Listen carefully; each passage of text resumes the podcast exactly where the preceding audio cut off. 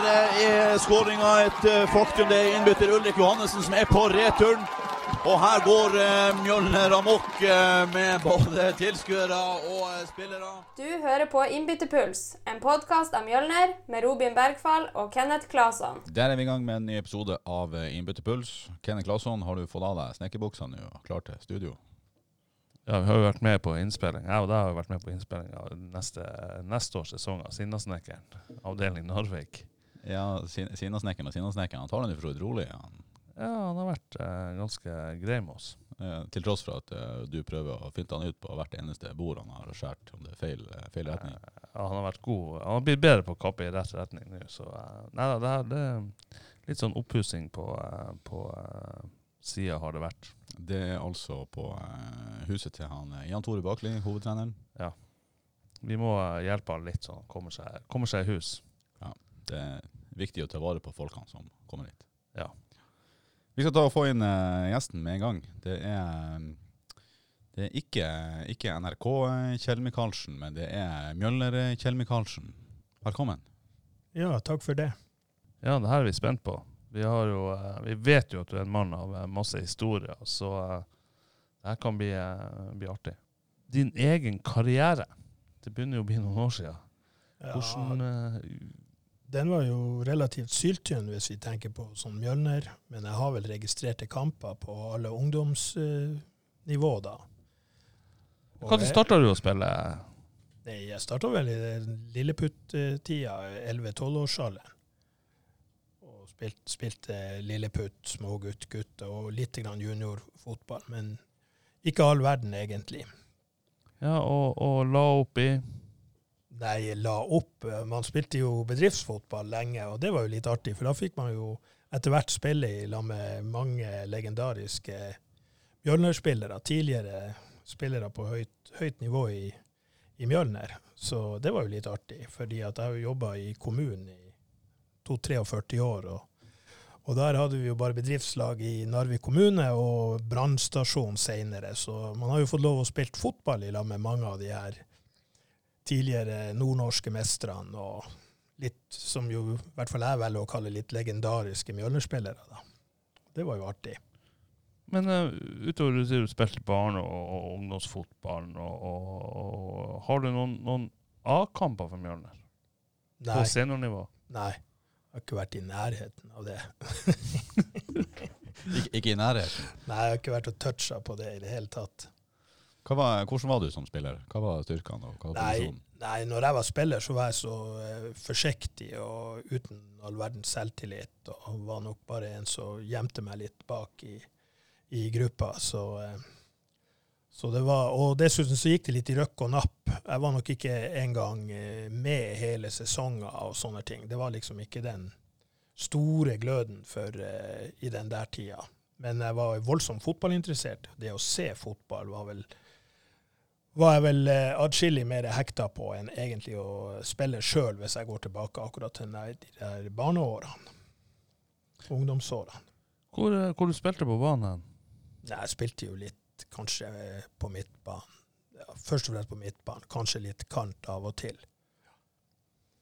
Men det, du har jo vært eh, Og på reservebenken, selvfølgelig. Da spilte du mye på reservebenken. Ja, men det, noen må være der òg, Ja, ja, ja. så eh, det, det er viktig. Eh, men du har jo mange andre Du har vært mye inne i fotballmiljøet i, i, i alle år. På et eller annet nivå. Ja, altså som tettere knytta opp mot eh, miljøet i Mjølner og sånn. Det var jo etter militæret midt på 70-tallet. Når jeg var ferdig der, så ble jeg jo spurt om jeg kunne tenke meg å, å være med i trenergruppa og trene lag. Så, eh, og det gjorde jeg jo ganske umiddelbart. Og holdt vel på mer eller mindre sammenhengende fra midt på 70-tallet og til inn i 90-tallet som trener. Og så hadde jeg jo et utall forskjellige verv etter hvert på ja, 70-, 80- og 90-tallet først og fremst. Hvilke verv har du hatt i, i Mjølner? Jeg har jo vært eh, sportslig leder, jeg har jo vært leder i ungdomsgruppa. Jeg har jo eh, tre-fire ganger sittet som leder i valgkomité. og Så jeg har jo hatt masse, masse av de der typer, og vanlige styreverv av forskjellig art. Hvilken tid var du sportslig leder? Sportslig leder så det var jeg i 1992, og da, da fikk vi jo det den sesongen så kom jo han Jonny Hansen og han Thomas Hafstad. Han Stig Johansen og han Alf Faya Johansen til klubben. Så hadde det vært i dag, så hadde han vel kosta noen millioner. Men den, alt det her var jo absolutt gratis. Og hva de hadde i kontrakter, det vet jeg i grunnen ikke, men det var nok ikke all verden. Hvordan var den tida der da, å sitte som sportslig leder? Det var jo artig. Det var en Terje Skarsfjord som var trener, og det var jo mye talent i Mjølner òg. Det var jo denne tida de eh, Han eh, Rune Martinussen, han Andreas Evjen, du hadde han Torfinn Rolandsen i byen. og ja, Det var masse Terje Ellingsen og, eh, som gikk til start. og ja, Som sagt, han Stig Johansen var jo her en sesong, men han fikk jo egentlig aldri sjansen her. så så det var veldig mye, veldig mye talent og veldig mange gode spillere i Mjølner på den tida. hvordan var de rollene altså som sportslig leder? Hvor tett var du på A-laget, f.eks.? Jeg var nok eh, kanskje tettere på sånn som han Terje og, og, og styret enn jeg var på, eh, direkte på spillerne.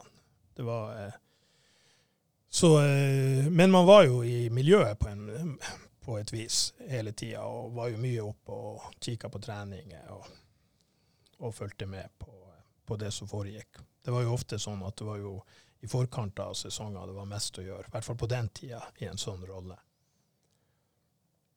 Ja, er det en eh, Det å, å Var det du som henta de her? Sånn som du sier, Stig Johansen, uh, Jonny Hansen, uh, Thomas Hafstad. Var det du som henta dem til Nei, Mjølner? så han, eh, eh, de ble enige om at de skulle spille for Mjølner. Han, bare han Thomas og han Alf Johansen og han, eh, og han Jonny i stua hjemme hos meg, men uten at det ble skrevet kontrakter der og da. Men eh, etter en samtale der, hvor de jo fikk forståelsen av at det ikke lå noe økonomi og sånn inne i bildet å snakke om, så, eh, så eh, sa de at eh, de var klar for å skrive på. Så det, det var nå egentlig ganske rolig sånn som det foregikk. Han Stig, han I første omgang så ville jo faktisk ikke han Terje ha han Stig, for han mente vi hadde såpass mange spillere. Han Thomas var kommet, han Terje Ellingsen var her, han Rune Skarsfjord var her. Så det var i grunnen var ganske brukbar. Roy Holm var jo òg her, så det var ganske bra eh, besatt fremover på banen. Men han Stig han eh, ga seg faen på at han skulle hit, og, eh, og nær sagt på eget initiativ spurte om han kunne få lov å prøve seg. Så jeg husker jeg var og henta han på da han kom i hurtigbåten fra Svolvær, og rett på en, en såkalt årsfest. Og så ble de nå enige om at han skulle gå til Mjølner da. Men det ble jo, det ble jo en heller trasig sesong for han, vil jeg tro, for han fikk jo nesten ikke spille.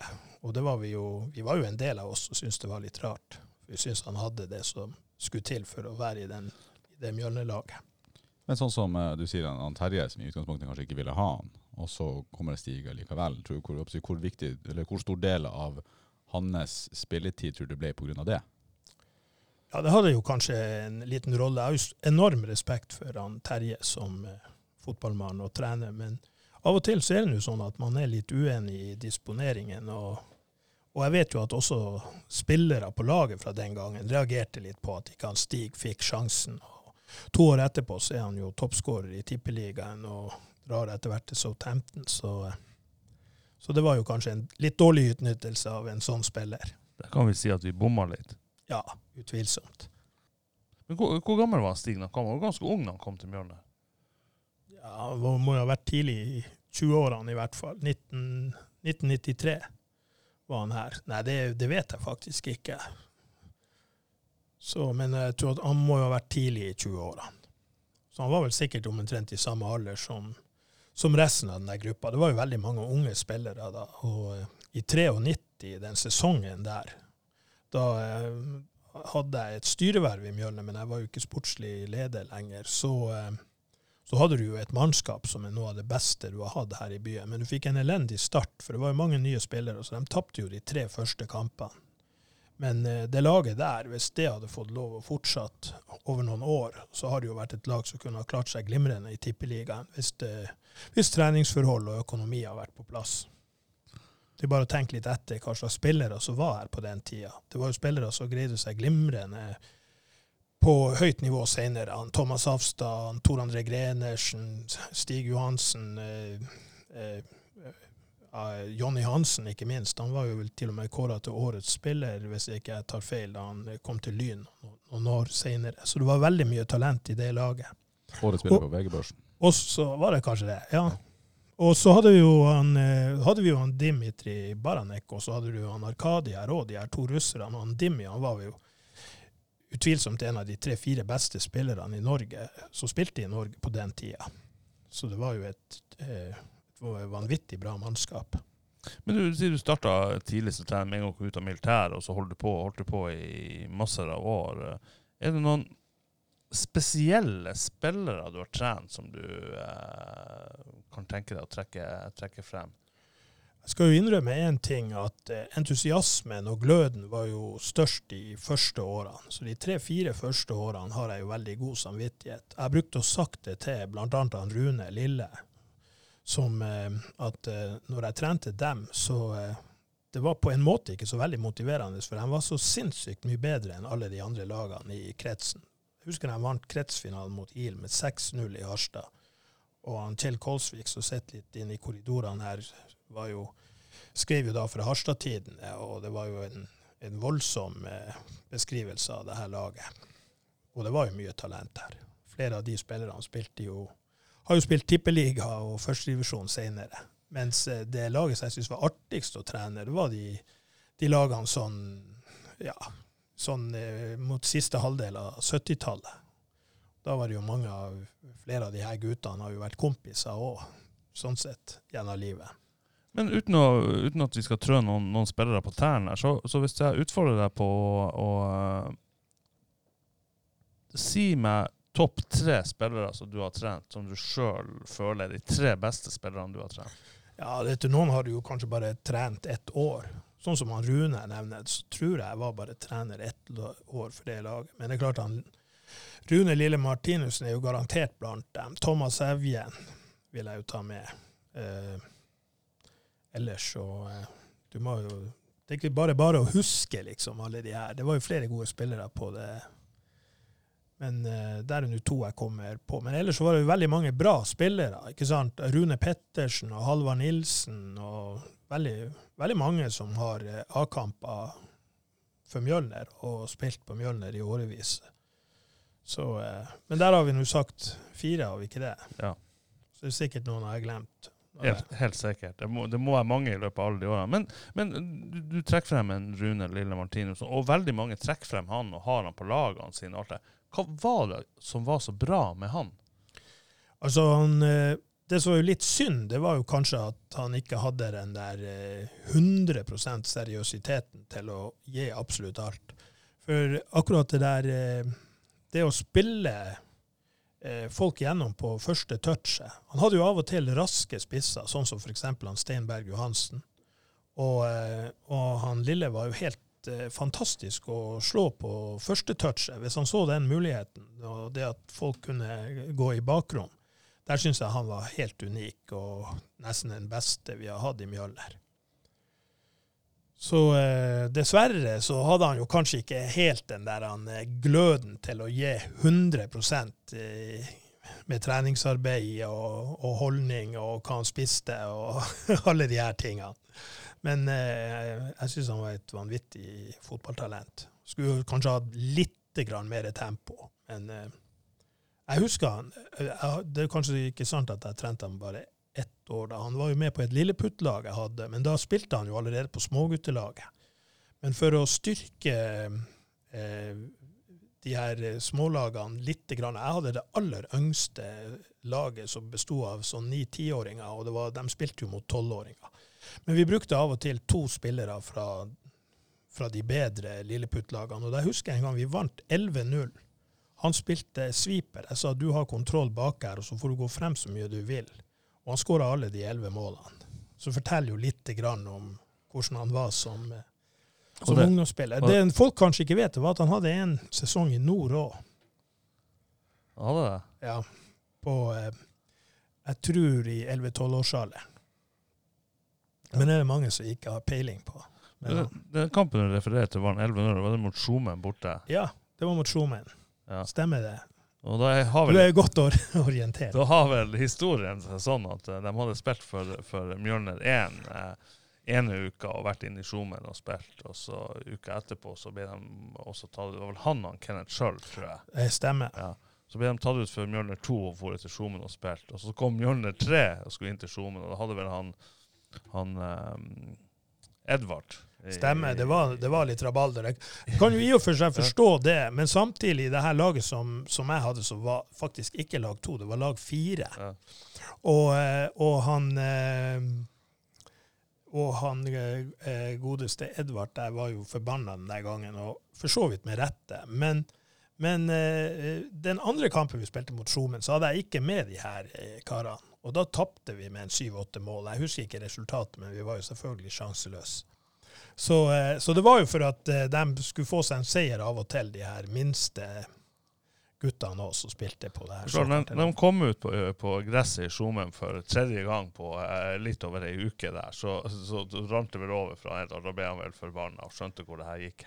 Det som regelen var den der tida, det var at du fikk lov å ha to spillere som, fikk, eh, som du fikk hente fra eh, et annet lilleputtlag.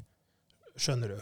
At, eh, og, og, og de, særlig han Lille, da, og, men jeg tror nok også han Kenneth, de var veldig ivrige på det der å få, nok, eh, få spille nok fotball. Og så eh, lå de sikkert frempå og hadde lyst til å være med. Og dermed så ble de jo kanskje prioritert eh, til det, det kanskje irriterte litt grann, eh, andre klubber i Men- nærmiljøet. Men var de så dominerende allerede da som Lilleputt-spillere at du sier at han spilte eh, midtstopper og lå baki der, og, og, og dere vant 11-0 og skårte alle 11 målene? Ja, jeg tror faktisk, jeg er ikke så sikker på at Kenneth var med i den kampen. Han skåra alle elleve målene, for da ville sikkert han Kenneth òg skåra noen mål. Men, eh, men eh, han eh, Rune var helt vanvittig på, eh, på det nivået der når han var lilleputt, og sånn dominerte voldsomt. God med ballen og hadde jo et godt skuddbein også, så eh, han, var, han var nok den absolutt den klart beste lilleputtspilleren i, i distriktet, tror jeg, på den tida. Han sprang kanskje, kanskje mer da enn han gjør i dag. I dag, ja, det vil jeg jo definitivt tro. Han er jo blitt en voksen mann, han òg. Var det noen andre spillere som på en måte peka seg ut, og du så at det her kom til å bli Altså han, eh, jeg vil ta et eksempel som han Rune Pettersen. Han sov jo veldig tidlig. Jeg hadde jo faktisk han med på eh, eh, Nå eh, var han med i, allerede da han var en syv-åtte år, var han jo med på det beste eh, Lilleputt-laget.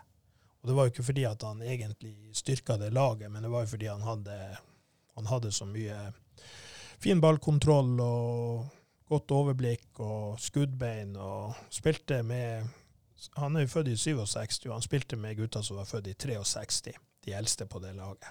Så han så det jo tidlig også at han hadde noe med seg.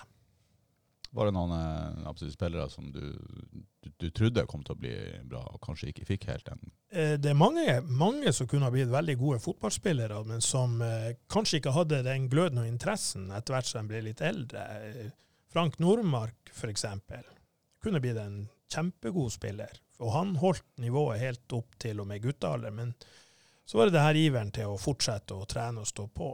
Det var mange som var gode å spille fotball. Han Jan Terje Solhaug, kjempefin eh, nærteknikk og godt slag på ballen, og kunne også sikkert blitt en veldig bra fotballspiller.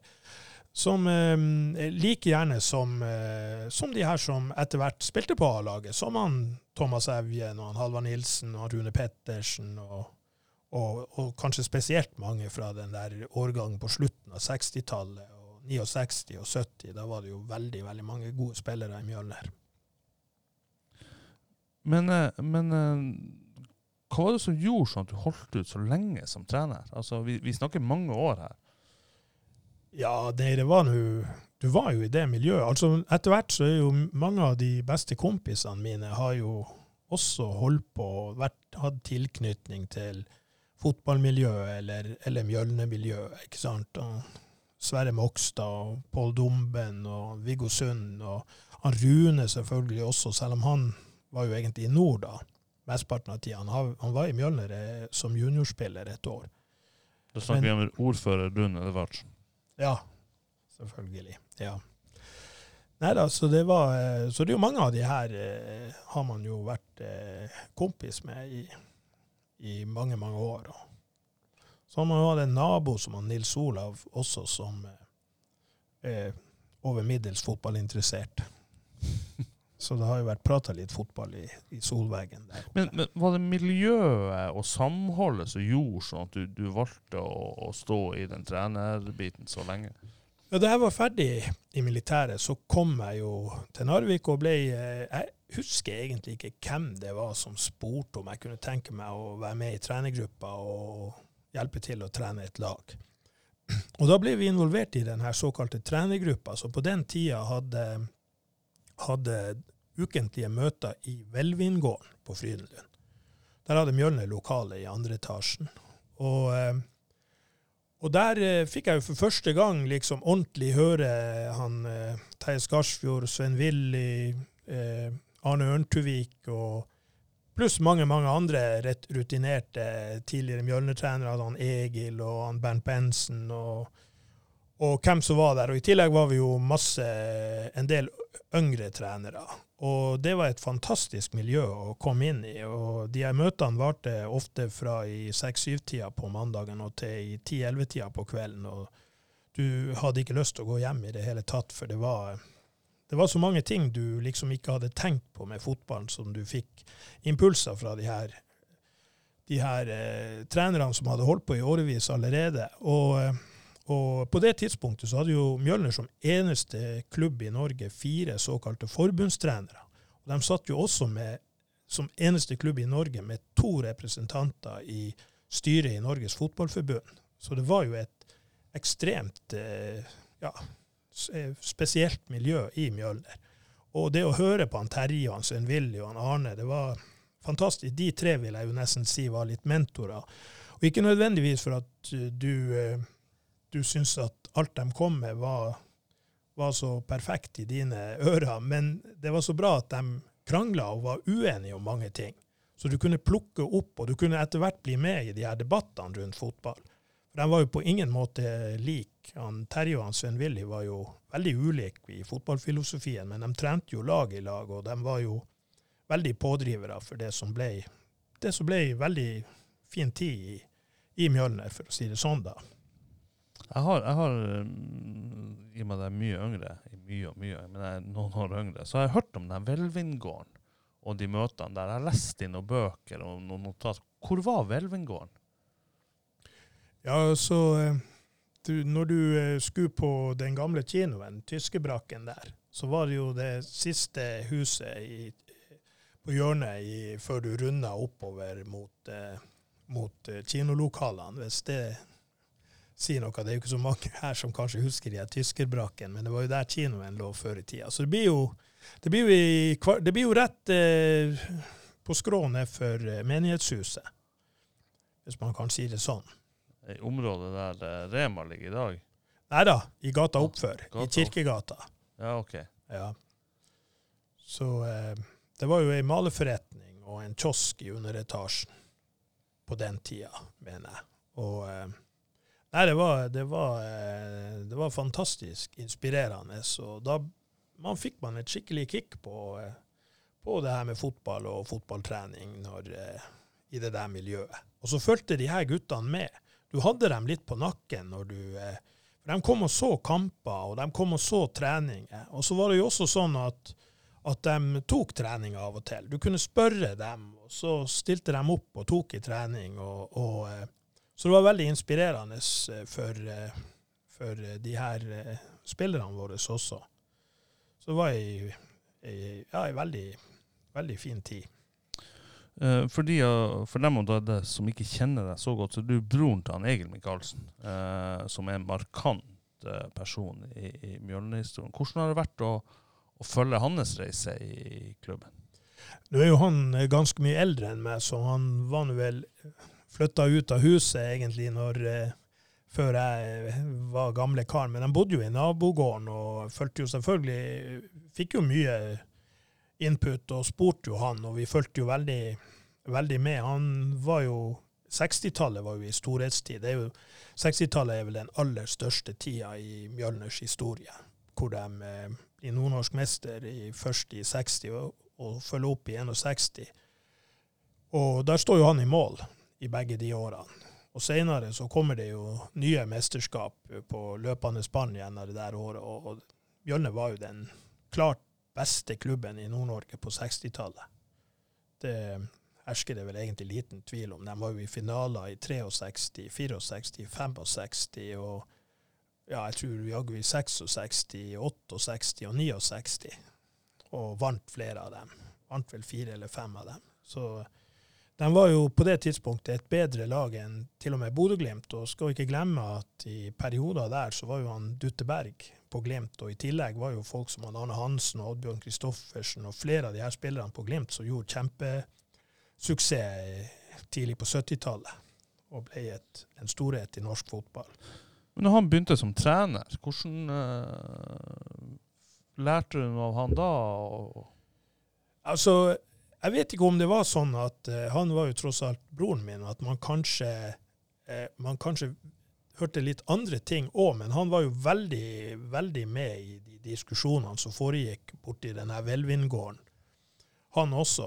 Og i tillegg så jobba vi jo i lag i mange år, så han sa jo en gang til meg vi får tid å reflektere mye, for når vi går her og stamper ba banen etter kamper, så eh, han Svein Willy og han Terje de får det så travelt bort på skolen, for de skal undervise. Men vi kan gå her og prate fotball mens vi stamper gresset etter, eh, etter kampene. Så det, ja, du har jo, du har jo jobba på Narvik stadion i tillegg i mange år. Hvor mange Ja. år ble det? jeg tror det ble 29 til sammen. Fra 1980 til 2009. Da var du banemester. Eh, De kalte det ikke for det. Det var banemester når han Egil var der. Men eh, kommunen eh, i forhold til økonomi og sånne ting, så jeg, jeg måtte klare meg med formann. Men det gikk helt fint. Ja, og hva, gikk den jobben egentlig ut på? Altså, på 80-tallet, på vinteren, så trente jo alle lag på, eh, på is. Og eh, det var så stor interesse for fotball i Narvik at du måtte jo ha eh, indre bane på stadion. Jaklamyra var ferdig i 1980. Den ene banen på Jakla måtte brøytes. Du brøyta jo Ankenes og Fagernesbanen for fotball. Og du brøyta en del løkker, bl.a. Rønningtomta hadde Mjølner massevis av trening på. Så det var ganske mange baner som skulle brøytes opp. Og så hadde vi jo da at vi la is. Og der eh, eh, tenker jeg jo litt eh, Jeg husker jeg leste en artikkel i, eh, i Fremover at de hadde solgt over 400 par skøyter eh, som skulle være julegaver til byens eh, barn og unge. Og eh, da tenkte jeg litt på i dag, hvor du ikke har nesten andre isflater enn inne i hallen. På Fagernesbanen vil du ha det. For det var veldig mange plasser. Vi la jo is eh, opptil syv-åtte plasser rundt om i kommunen. På skolen ute på Strømsnes og oppe i, i fjellet, på, eh, på det som den, på den tida heter, eh, heter Fjellheisbanen, tror jeg faktisk. Og vi la jo eh, på Rønningtomta og på veldig ute i Hokkvik og på veldig, veldig mange plasser var vi og la isflate, så det var jo store muligheter for unger å gå på skøyter på vinterstid. Og så hadde vi jo de her banene som skulle være klar for fotballtrening. Så eh, det var jo ganske heftig eh, mens det her foregikk. Og, men så så vi jo ei forandring da vi fikk Halden midt på 90-tallet. Så trengte vi plutselig nesten vi, Da holdt det plutselig med å brøyte én bane til fotball. Og, eh, og det var jo knallhardt eh, støpt dekke i hallen på den tida. Det var jo før vi hadde fått kunstgress der. Og da eh, eh, konkluderte vi med at fotballen i Narvik fikk en veldig knekk, også eh, ungdomsfotball. Og jeg har jo brukt å påstå da at en, en eh, Nå skal jeg jo innrømme at jeg har holdt på mest med, med gutter, og det var jo mest gutter som spilte fotball i de her på, på 70- og 80-tallet, så kom jo jentene mer og mer etter hvert. Men hvis du la en ball på dørlinja, og gutten som skulle skyte denne ballen, var 12, 10 eller 12 år, og han var født mellom 1957 og 1971-72 i Narvik, så skøyt han ballen 40 meter. Hvis du tok de som var født fire-fem år etterpå det her, og de neste åtte-ti årene, så skøyt han han bare 20 meter, og så veide han en tre-fire kilo mer. Og det var jo sånne ting som vi rett og slett observerte med å jobbe der oppe. Vi var jo der i det daglige. Og da raserte, og si, da rasa kvaliteten på Mjølnerlagene også. Og nordlagene, for den slags skyld.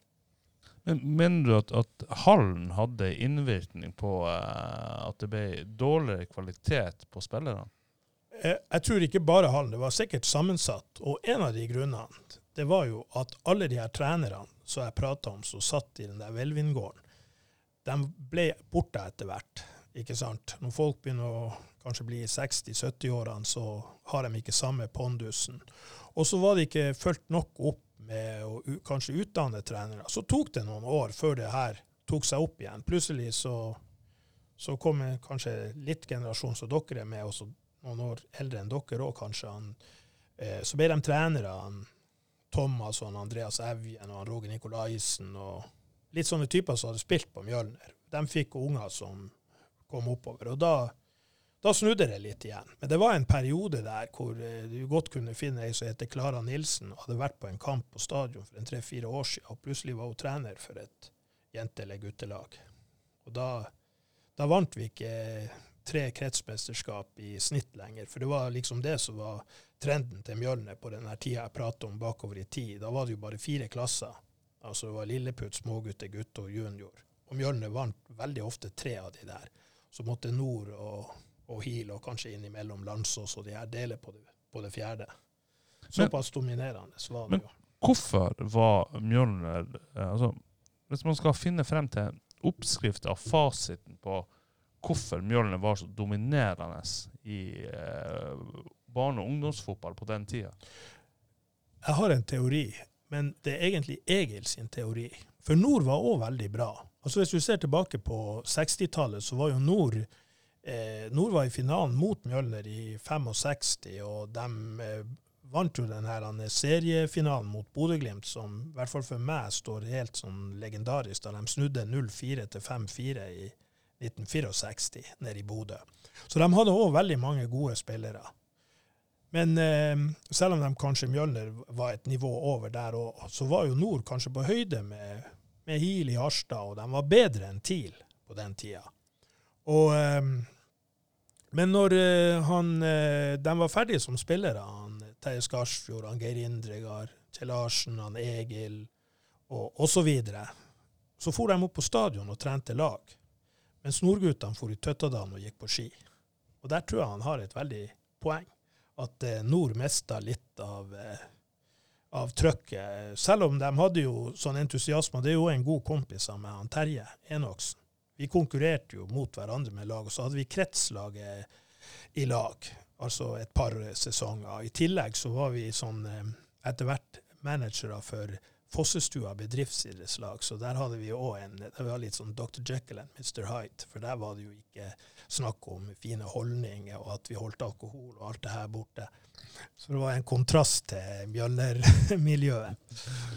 Men hvis du skulle ha revolusjonert eh, ungdomsfotballen i, i Narvik i dag, hva, hva ville hva ville oppskrifta vært for å få frem flest mulig gode seniorspillere?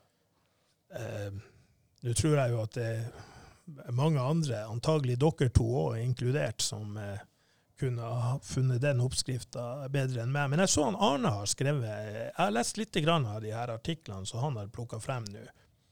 Og der nevner han jo det her med Han viser til de her undersøkelsene i Frankrike og England hvor de her som har spilt mest mulig gatefotball, er de som utvikler seg.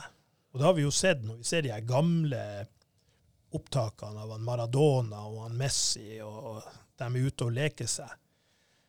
Så, eh, så ser vi jo at det er jo der grunnlaget blir lagt. Så eh, eh, Litt sånn for å putte det ned, bare som jeg sjøl har tenkt litt eh, Jeg sa- til han Robin i sted at jeg vil helst ikke være trener etter at jeg, når jeg, ungene mine ble mer enn 10-11 år. For jeg syns jo at jeg har sett, også blant de virkelig gode trenerne i Mjølner òg, at de kanskje hadde en liten tendens til å forfordele sine egne unger. Og det har jo vært kjent som et litt sånn kjent eh, utfordring i fotballen.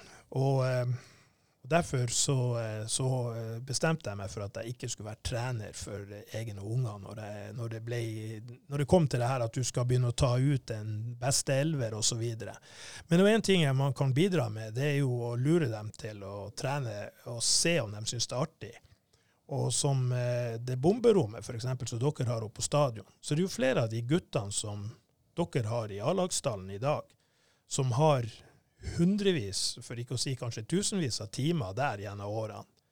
Og eh, i tillegg så har vært eh, Når vi har hatt med oss eh, unger på hytta og sånne ting, så vi kjørte dem ned i bingen. Vi har en binge i kjellbåten.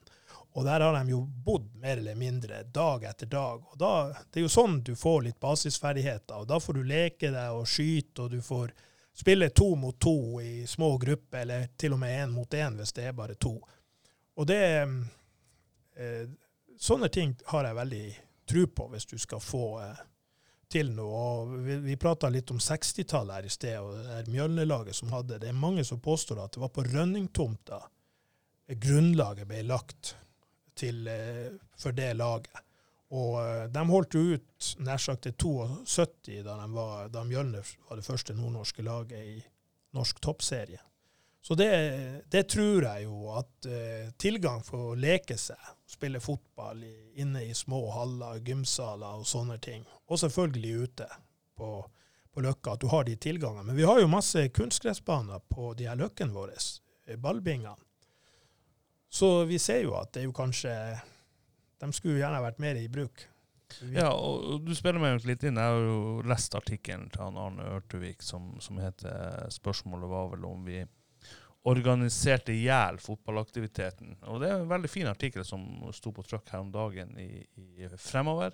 Så jeg oppfordrer folk til å lese. Og det er liksom, Vi som følger fotballen litt sånn fra innsida, og jeg, jeg kan gjerne si at jeg er litt uenig med Arne Hørtevik i akkurat den artikkelen. for at når vi vokste opp eh, på 70-tallet, eller jeg vokste opp på 70-tallet, og, og så spilte vi jo fotball på fritida.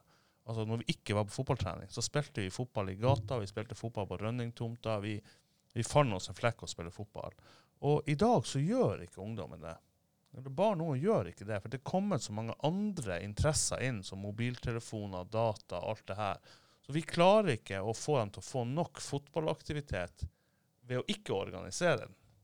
Da blir de sittende hjemme i stua og trykke på telefonene sine. Så jeg, jeg tror nok at vi, samfunnet har en sånn utvikling at hvis du skal ha ungene i aktivitet, så er du på mange måter nødt til å organisere det, for de gjør det ikke sjøl. Dere lager sikkert gatekamper, satt opp eh, tabeller og lister sjøl. Det gjør ikke ungene i dag. Hva tenker du om det? Nei da, jeg har spilt utallige gatekamper mot alt fra Strømsnes, vi tok toget opp, og Øyjord, eller kanskje de heter Seines, jeg vet ikke. Og vi hadde jo forskjellige lag her i byen òg. Men eh, eh, et, eh, du har jo et kjempepoeng. At de har veldig mye å holde på med i dag, og kanskje særlig her i Norge, hvor vi, hvor vi har bra økonomi. Men så eh, men sånn innimellom så kan man kanskje få til ting. Og jeg tenkte eh, med det der bomberommet som dere har i underetasjen der, og han gutten min og, og noen av de spillerne som dere har i Mjølner i dag, han, han eh, Markus Johnsen og, og han Simon og han eh, Petter, og de har ganske mange timer nede i det der bomberommet gjennom årene. Og jeg tror jo sånne ting hjelper på basisferdighetene. Så det er klart, det er jo for lite bare den eh, treninga du, du har eh, tre eller fire ganger i uka. Det blir jo for lite timer hvis du skal få eh, Det var jo interessant det der, det sto litt om det her at de som hadde oppi ni timer gatefotball i uka, var de som fikk fremtidige kontrakter og sånne ting. Og det tror jeg, jeg tror nok at for å bli en skikkelig god fotballspiller i dag, så må de ha må de ha mengdetrening, altså for å få basisferdigheter, få det med seg inn i eh, når de jeg å si, blir 13-14 år og det skal trenes litt, kanskje litt mer seriøst. Så det er nok sikkert en kombinasjon av alt det her. Jeg tror ikke det finnes en sånn her 100% oppskrift. Det er jo litt hvor du bor, og hvordan økonomien er, og hvordan forholdene er lagt til rette på forskjellige plan. Men sikkert også på oss som er fotballinteressert, hvordan vi, at vi klarer å ha litt flere tanker i hodet og kanskje motivere til, til leken i tillegg til, eh, til den organiserte treninga. Og gode ord, og jeg er helt, eh, helt enig med deg. Men det som, som du sier, avslutter med her å si at hvordan skal vi få frem leken i det, og hvordan skal vi få dem til å ta den der initiativet til å trene på egen hånd? Det er kanskje det som det er jo den nøkkelen man ikke har funnet enda. Altså, ja, vi har tre-fire treninger i uka med organisert fotball, men hvordan skal du få de fire-fem andre øktene eh, med egenaktivitet? Det er jo den man Mm. mangler å få frem. Hvordan skal man klare det? Hvordan skal man lure ungene til å ta og komme opp på stadion, gå inn i bomberommet og trene? Eller, og og nå ligger det jo som det ikke gjorde på, på 60-, 70-, 80 Det ligger jo kunstgressbaner som er åpne stort sett året rundt. Så det er mulighet til å spille mye fotball. Hvordan skal vi få dem til å gjøre det? Ja, det er litt eh, vanskelig å, å komme i oppskrift. Altså, eh, jeg, eh, for egen del så har jeg jo, med han gutten min da, som jo prøver seg litt hos dere i dag, så har jeg jo prøvd å eh, få han til å spørre kompiser som jeg visste var fotballinteressert, og som likte å spille fotball. Og, og det ser jeg jo at de har jo hatt en stor glede av det. Jeg har jo hatt mange av de her med på, på hytta, f.eks. Og da har de jo kunnet kjørt dem ned i bingen i ellevetida på formiddagen, og så har de hatt med seg rikelig med vann og sånn, og så har man kjørt det bortover med noen landganger eller bagetter, og så har de vært eh, der til klokka har vært bare åtte og ni på kvelden. Så eh, det er jo på en måte å lure litt, men man ser jo da at de storkoser seg jo. Så, eh, og, og det bomberommet som jeg nevnte nå, å, være, å spille to mot to, det er jo helt egentlig en fantastisk arena for små, litt små unger, kanskje frem til i 10-11-årsalderen. Så er jo det eh, sånne små, men vi finnes jo, de finnes jo ikke så mange av dem da. Men du, du han Robin har et lite Vi må slippe han Robin til også litt. Ja, jeg vil sånn som bare skyte inn der, for jeg, jeg er også veldig enig i det som uh, dere sier. Jeg er enig i det som uh, Arne også skriver i uh, avisa, som er veldig mye gode poeng. Og jeg er helt enig i at leken er kjempeviktig i det her. Og så skal vi samtidig ha litt grann i bakhodet nå at den organiseringa som har vært gjort, i, hvis vi tar norsk fotball og ser isolert sett på det, med skolering og den biten der, det gjør også at altså Det kommer litt an på hvilket nivå er det du skal utvikle spillere til. Fordi at vi er nå på et eh, Altså norske unge spillere er mer attraktive til utlandet enn det har vært tidligere pga. at de har en annen utdanning, altså fotballutdanning bak seg. Det er også bare et poeng å ha i denne diskusjonen, synes jeg. Jeg er jo helt enig med det. Og så ser vi jo et lite eksempel på i går, med det her eh, reservelandslaget vårt, eller hva vi, hva vi kalte det. Nødlandslaget. nødlandslaget, så ser vi jo at eh, nivået i norsk fotball har heva seg ganske betraktelig. Og jeg satt jo, som jeg nevnte til dere før det her programmet, hjemme hos han Nils Ola Markussen og så denne eh, kampen. Og han eh, var jo såpass oppdatert at han kunne jo forklare meg hvor de spilte, de spillerne. Jeg blir jo veldig overraska, for jeg trodde jo stort sett at eh, vi skulle hente vi skulle hente spillere på et langt lavere nivå, så er de, så er de jo profesjonelle i ganske gode klubber. Selv de her som aldri har eh, nær sagt vært innom landslaget tidligere. Og det viser at det har skjedd noe på det du er inne på her, Robin. Men du, du fremstår jo som lidenskapelig opptatt av Mjølner og fotball. Hvorfor det? Nei, altså eh, eh, Når jeg har vært i byen, så har jeg alltid gått på Mjølnerkampene. De siste årene så skal jeg jo kanskje innrømme det at hadde det vært eh, fabelaktig vær og man har vært på hytta, så har det kanskje stått over. For nå er det jo faktisk sånn at man kan sitte med iPaden i fanget og se kampen likevel. Men, eh, men er jeg hjemme i byen, så syns jeg det er jo trivelig å gå på stadion og se fotball. Og så skal man jo kanskje innrømme det at noen ganger altså, de siste årene så har man jo også vært eh, litt prat eh, Noen har prata om fiske, og noen om oppskrifter på fårikål og, og litt forskjellige ting når vi står oppå der. Men vi får nå med oss eh, eh, det som skjer ute på banen også. Og, eh, så der er jo en del folk som Du treffer jo litt kjenninger også oppe på stadion. Så jeg syns jo rett og slett det er bare trivelig å gå opp dit og treffe folk. Og, og, og så er man jo Det der med Mjølner, det ligger jo på en måte nedarva. Og da har jeg jo gjort helt fra jeg var syv-åtte år gamle eller unge og begynte å, å springe opp på stadion for å se kamper. Det var jo tross alt han Kjell Larsen og til Skarsfjord og de her som var våre eh, Steven Gerrard og David Beckham. Det var jo ikke TV eller noen ting her tidlig på 60-tallet når vi hadde jo hørt om han Yashin som keeper og en og annen stor eh, norsk fotballspiller, men vi hadde jo aldri sett dem.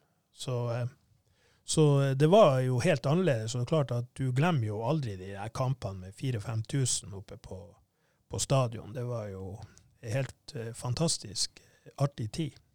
For de som ikke har opplevd eh, 4000-5000 på Narvik stadion, så um, hvor tidlig måtte man gå på kamp da for å komme inn? Nei, det, det skal jeg ikke si så mye om, da, men eh, Du det- sne- snek deg inn under gjerdet? Nei, eh, nei, ja, altså når, eh, når han eh, Egil eh, jobba der, og jeg var bare guttungen, så tok han meg kanskje med inn sånn tidlig i eh, men, eh, men jeg begynte vel å tusle opp der sånn i 60-61. Men det første som jeg husker virkelig godt, det var faktisk cupfinalen mellom Harstad og Hil og Bodø-Glimt som gikk på Narvik stadion i 1962. For da sto jeg attmed der stadionuret og så kampen. Så, eh, men året etter så ble jo den aller aller første kampen spilt på gressbanen i Narvik. Det var jo første gang de hadde lagt gress, og det var omkamp i cupen mot uh, Bodø-Glimt. Og, men jeg var også sånn at jeg tålte ikke motgang, så uh, Mjølner tok ledelsen i den kampen. Men i det øyeblikket Hil, eh, Glimt gikk opp til 2-1, så gikk jeg rett hjem. Og det brukte jeg å gjøre i, eh, i de der barneårene. Jeg tålte rett og slett ikke å se at det andre laget tok ledelsen. Noen, noen kamper har du bare sett halve kampene. Det var en del Uh, Jeg husker jo den, den cupfinalen der spesielt. da. Ja, nei, men det er jo Men hvis vi skal utvikle Narvik-fotball Du er opptatt av Mjølner, du er opptatt av at skal, du skal få se gode fotballkamper på Narvik stadion. Hvordan skal, skal vi klare det? Det, det ser jo ut som i dag at eh, for å nå et virkelig nivå, så er det jo veldig avhengig av økonomi. Så eh, dessverre er det jo litt sånn at man, eh, man eh, er nødt til å ha de tankene, og der, er jo, der er jo jeg, har jeg jo veldig lite peiling på egentlig hva som skal til. Og vi har vel ikke hatt de, de tunge bedriftene og eh, folk som kunne ha gått inn og støtta Mjølner med millioner. Men, eh, men spillerutvikling og sånne ting, det syns jeg jo egentlig ikke er så ille nå. Jeg var jo i fjor i, i Norway Cup, og da var det jo en miks av Mjølner og, og Beisfjord-spillere som, som spilte. Og uh, i en enkeltkamp så bestemte han Inge Hasselberg, som jo var han var jo hjelpetrener for han Stian Johnsen for et par år tilbake. Han var jo med som en av trenerne. og eh, Jeg gikk jo på eh, og så Strindheim, fordi vi hadde, vi hadde dem i samme pulja som oss. Og de hadde Strindheim toppfotball, og jeg så dem slo et tysk lag med en 10-12 mål i, på korte kamper, to ganger 20 minutter. Og da husker jeg jeg sa eh, til de som var med meg, at dette laget måtte jo absolutt være en potensiell vinner av denne klassen. Og det gjorde de jo lekende lett. De vant som de ville i hver eneste kamp, bortsett fra det miksa laget mot Mjølner og Beisfjord. Og det var fordi at han Inge tenkte i denne ene kampen så prøver jeg å spille med et såkalt eh, bortimot toppa lag, i hvert fall. Og da ble det 1-1, og det var faktisk det Mjølner-laget som, eller Beisfjord-laget om man vil, som var nærmest seieren. Og jeg tror de vant 4-5-0 i finalen, og de cruisa seg gjennom rubbel og bit. Og mange av de spillerne som spilte den kampen, har jo faktisk dere i avstanden i dag. Fem-seks stykker, vil jeg faktisk tro. Ja, Det blir spennende å se hvordan de guttene der gjør det, hvis man nå får lov å spille fotball i 2021. Det er jo et eh, godt spørsmål. Ja, det får vi håpe på. De er jo unge. Det er jo 17-18-19-åringer fortsatt her. Og, men, eh, men det syns jeg er en ting som jeg syns har vært bra på de her spørsmålene dere stiller i forhold til, til talentutvikling og sånn. Så nå er det jo eh, Der er jo et lite grunnlag i, med at det er ganske mange unge spillere fra 17 til 20 år i, i, i denne stallen deres. Og pluss ispedd noen eh, bra rutinerte spillere. Så, eh, så det hadde jeg jo gledet meg veldig til å få se denne sesongen, men vi får håpe det blir muligheter i 2021. Så er det masse god aktivitet som skjer nå i, i, i klubben rundt, og i Mjølner spesielt, som vi er en del av. Ser sånn som nå Sist eh, søndag, for å bruke det som et eksempel, så var jeg og Jan Tore i, i, eh, i Narvik, eller i Polarkrafthallen bare og, og så litt. Der var vi et par timer og bare så på aktiviteten som var der, og det var helt uh, nydelig. Det var Masse eh, guttelag, småguttelag. Damelaget var der og trente i løpet av den lille tida vi var der. Ene økta etter at hva blir det? det blir jente 07, 8 og 9. 9. Ja, der sto de fire trenerne i teamet der sto i 25 minutter etterpå og diskuterte fotball. Og det, det er jo helt herlig. Det er nydelig. Så det, er, det skjer mye bra i, i fotballen.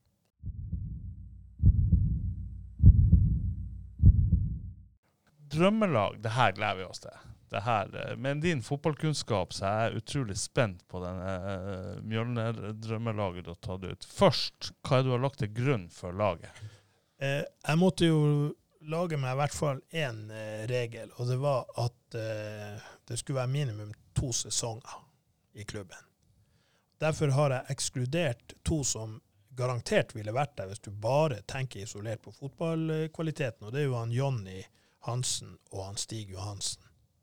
Hvis Ja. du tenker på det de oppnådde som spillere, så ville jo de definitivt vært i en sånn elver.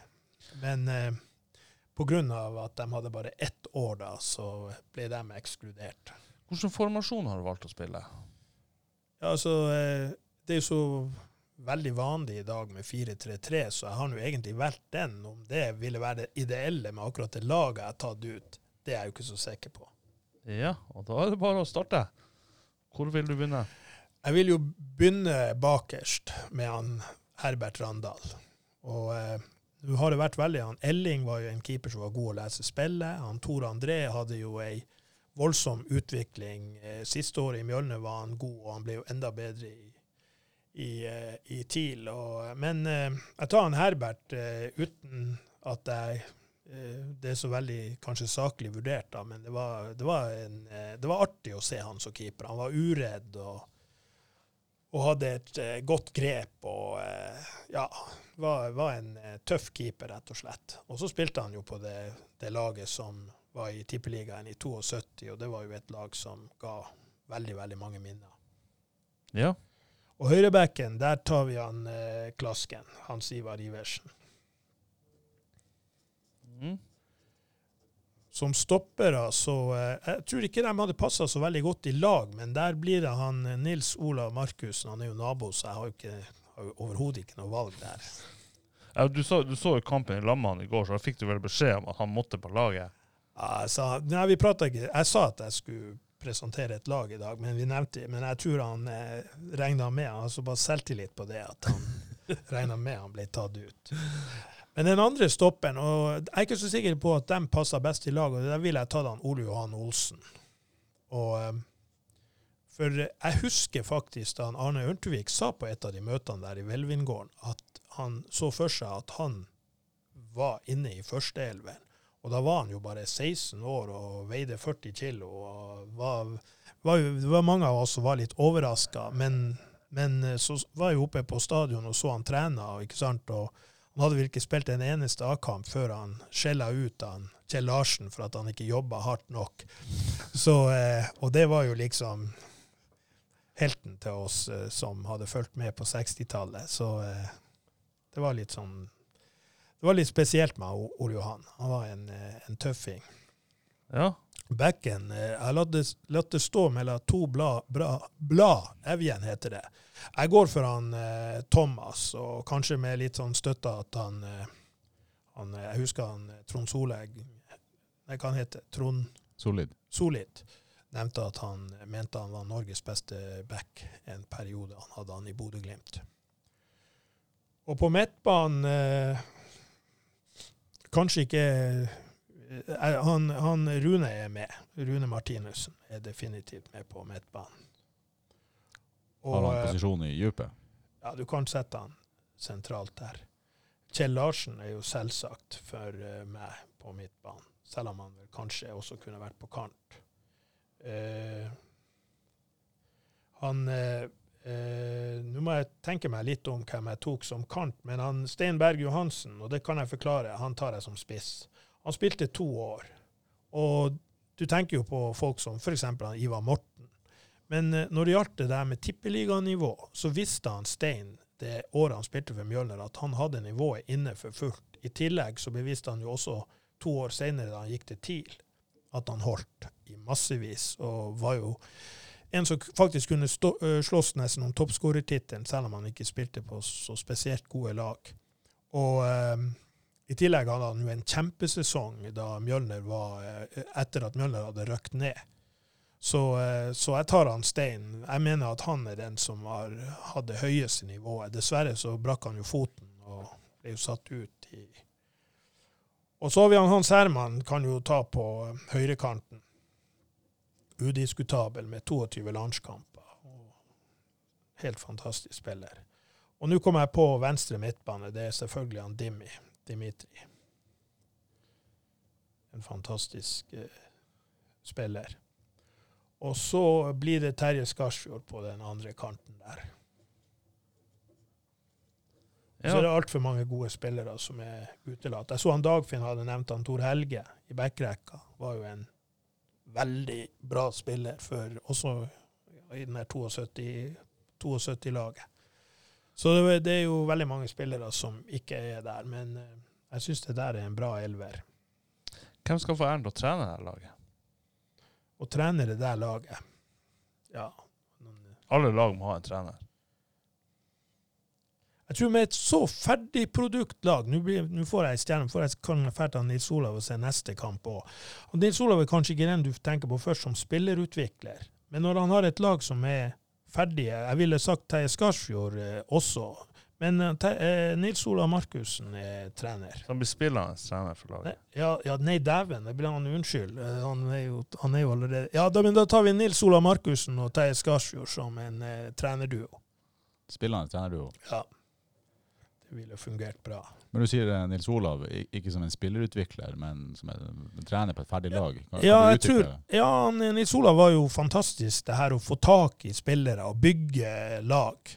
Eh, det gjorde han jo fantastiske jobber bare i eh, Gråfjord og i Mjølner.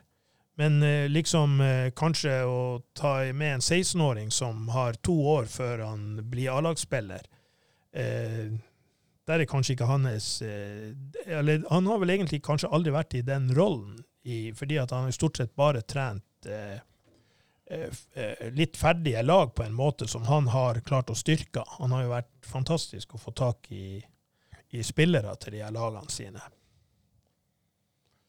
Ja, det er et uh, godt lag, og det skulle vært artig å se dem i dag uh, spille.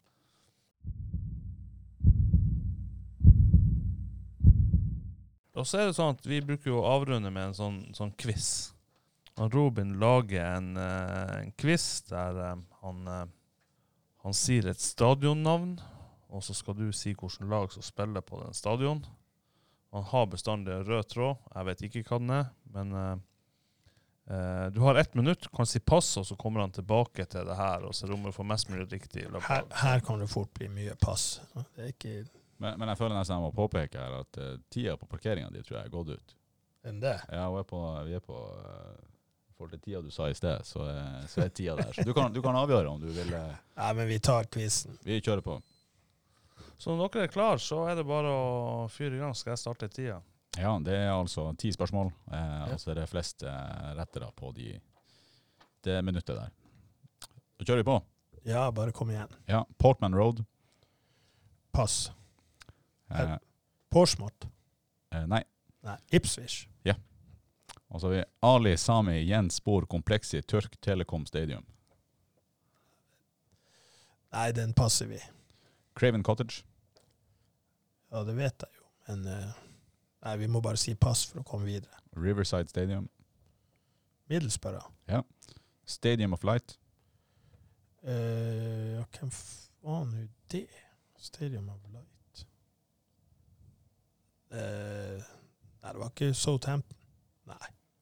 Gå videre. Pass. Nokamp. Ja, det er jo Barcelona. Bay Arena. Bayer Arena. Er det Bayern München? Nei. Nei, pass da. White Hart Lane. Ja, det, ja, det, det var Tottenham før i tida. Ja. Villa Park. Ja, det er Aston Villa. Ewood Park. Ewood Park, ja, det er jo også noe kjent. Det er, det er engelsk Premier League, men jeg må si pass.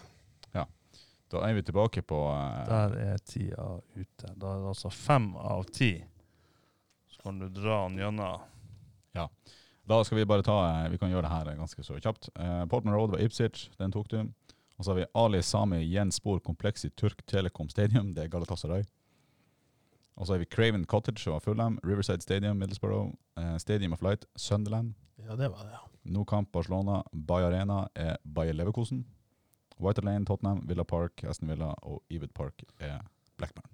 Blackburn. Den røde tråden var Røde tråden er, blir bare sykere og sykere. Um, det her er faktisk de eneste bortebanene han Abel Xavier spilte eh, for Liverpool på. Og grunnen til at jeg valgte ut han Abel Xavier, var at jeg googla rett og slett eh, Siden du er Liverpool-supporter og har skjegg, så googla jeg 'Liverpool players with beard'. Og eh, han eh, Abel Xavier hadde vunnet, eller han var kåra til på topp 20 der, så var han da nummer én på eh, Liverpool-spillere med skjeggvekst siden Bill Shankly-tida. Vi skjønner at du har lite, å- lite å gjøre på fritida. Men du har datt altså inn på en eh, 15.-plass eh, rett bak Rune Martinussen, som hadde seks av ti, og så kom du inn på fem av ti. Det er godt innafor det, det jeg hadde forventa. Det går bra. Da skal vi ta og slippe det løs, sånn at du får uh, berga en parkeringsbit her før vi får trøbbel med det. Ja, Så- men det er bra. Da sier vi, vi sier rett og slett eh, takk for tida, Kjell. Ja, og takk skal dere ha for å bli invitert. Nydelig å ha deg med. Ja, takk, takk.